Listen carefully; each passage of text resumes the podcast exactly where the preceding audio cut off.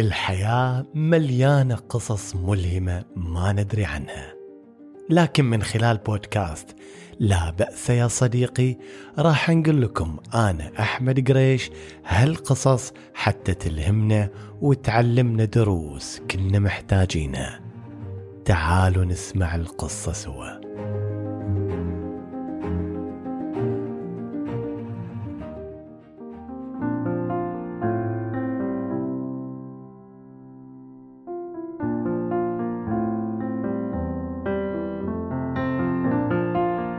عبد الله شاب في الثلاثينيات من عمره ويعمل مدرس.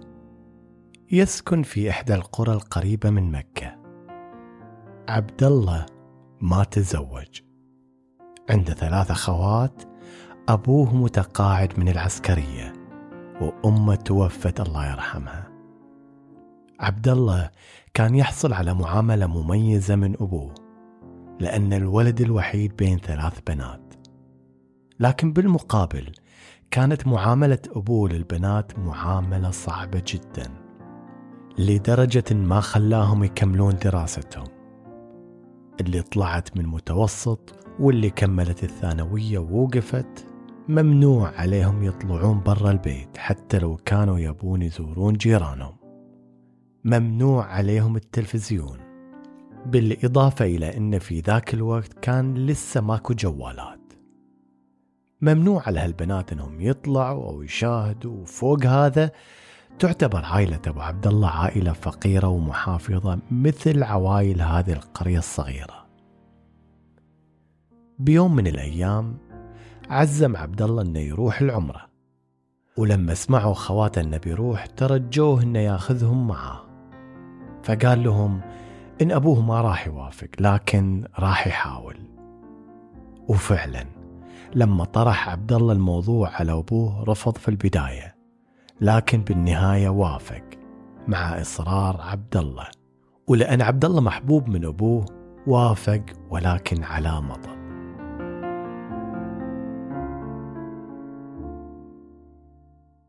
جهزوا أغراضهم وتوكلوا على الله إلى مكة بسيارة عبد الله. بعد مشيهم مسافة قرر عبد الله إنه يوقف في إحدى المحطات للراحة وعشان يعبي بنزين.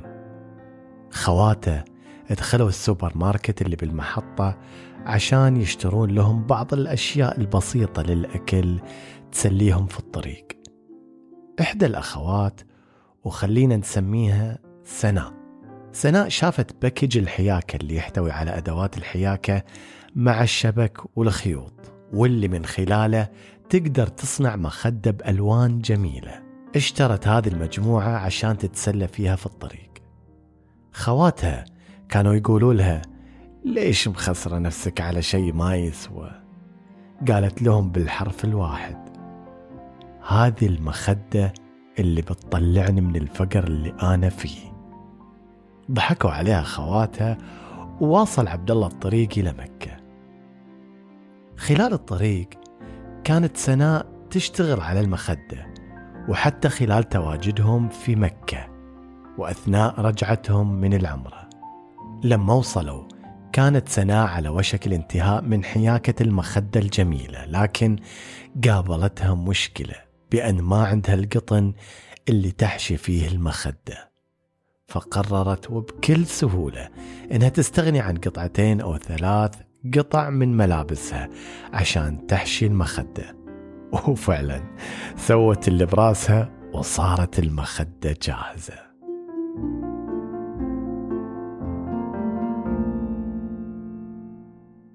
بيوم من الأيام جاتهم بنت جارهم تزورهم. هالبنت كانت تدرس في معهد قريب من القرية وكانت تزور بنات أبو عبد الله كل أسبوع. خلال زيارتها سناء ورتها المخدة اللي سوتها وانذهلت البنت بجمال المخدة وقالت لها إن ودها تشتريها. بنات أبو عبد الله قاموا يطالعون بعض ويبتسمون وافقت سناء إنها تبيع المخدة اللي كلفتها 15 ريال وقطعتين من ملابسها باعتها ب 60 ريال. وكان مبلغ عمرها ما تخيلته وشعرت بسعادة كبيرة. سناء ما صرفت من الستين ريال شيء. وصت أخوها أنه يشتري لها نفس المجموعة مجموعة الحياكة مع القطن. وبالفعل اشترى لها عبد الله المجموعة من إحدى المحلات. وبدأت سناء تشتغل عشان تسوي مخدتين إضافيتين. بعد أسبوع رجعت بنت جارهم. تقول إن بنات المعهد شافوا المخدة وحبوها ووصوني أسألك إذا ممكن تسوي لهم مخدات مثلها؟ فرحت سناء وقالت إن عندها مخدتين جاهزين. وباعتهم على بنت جارهم اللي بدورها صارت تبيعهم على بنات المعهد. فرحت سناء وصار عندها حماس إنها تسوي مخدات أكثر وتبيعهم. لكنها هالمرة ما اعتمدت على الأشكال اللي تجي مع المجموعة.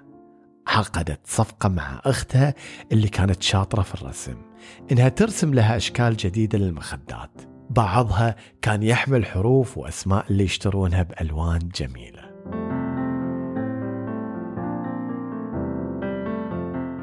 طورت سناء شغلها وصارت تصنع بعض البطانيات الصغيرة للأطفال المواليد وتبيعهم على نساء القرية. وكل هذا من دون علم أبوها اللي كان مريض وما يطلع من غرفته بسبب كبر سنه ومرضه.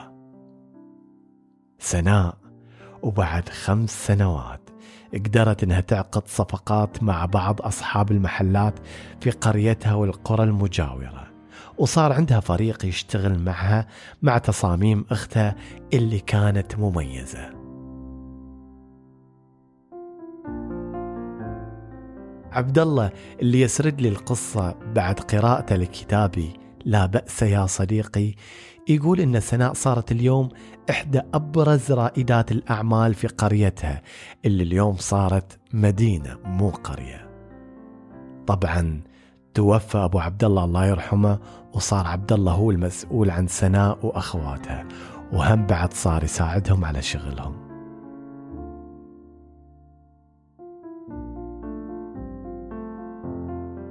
قدرت سناء إنها تطلع من فقرها وعوزها بمخدة صغيرة.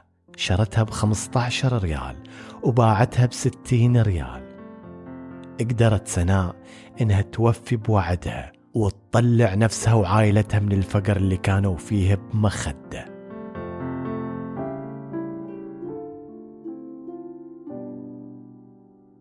أحيانا نستسخف أحلامنا ونعتبرها مجرد حلم يستحيل تحقيقه.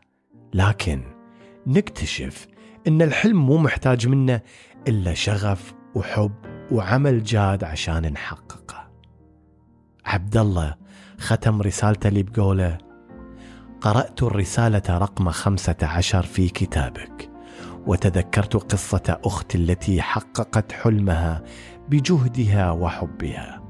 آمنت بأنه سيأتي اليوم الذي ستتغير فيه الأحوال ولكن لن تتغير هذه الأحوال سوى ببذل الجهد والإيمان والحب والشغف.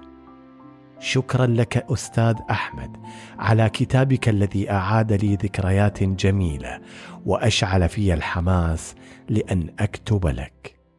وأنا بدوري أقول شكرا عبد الله إنك شاركتنا قصتك مع سناء واللي سعد جدا بسماعها أنتوا بعد تقدروا تشاركونا قصص نجاحاتكم معاناتكم قصص ممكن إنها تلهم العالم.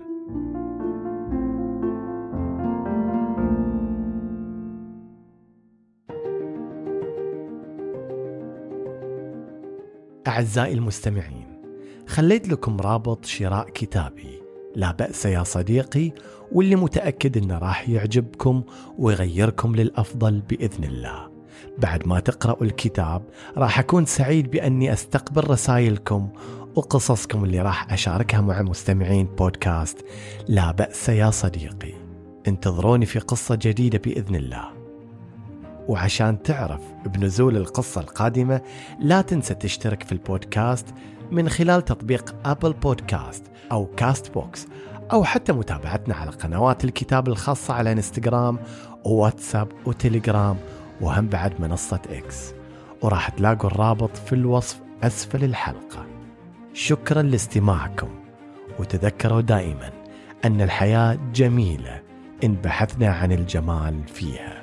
كان معاكم أحمد قريش مؤلف كتاب لا بأس يا صديقي. إلى لقاء قريب بإذن الله.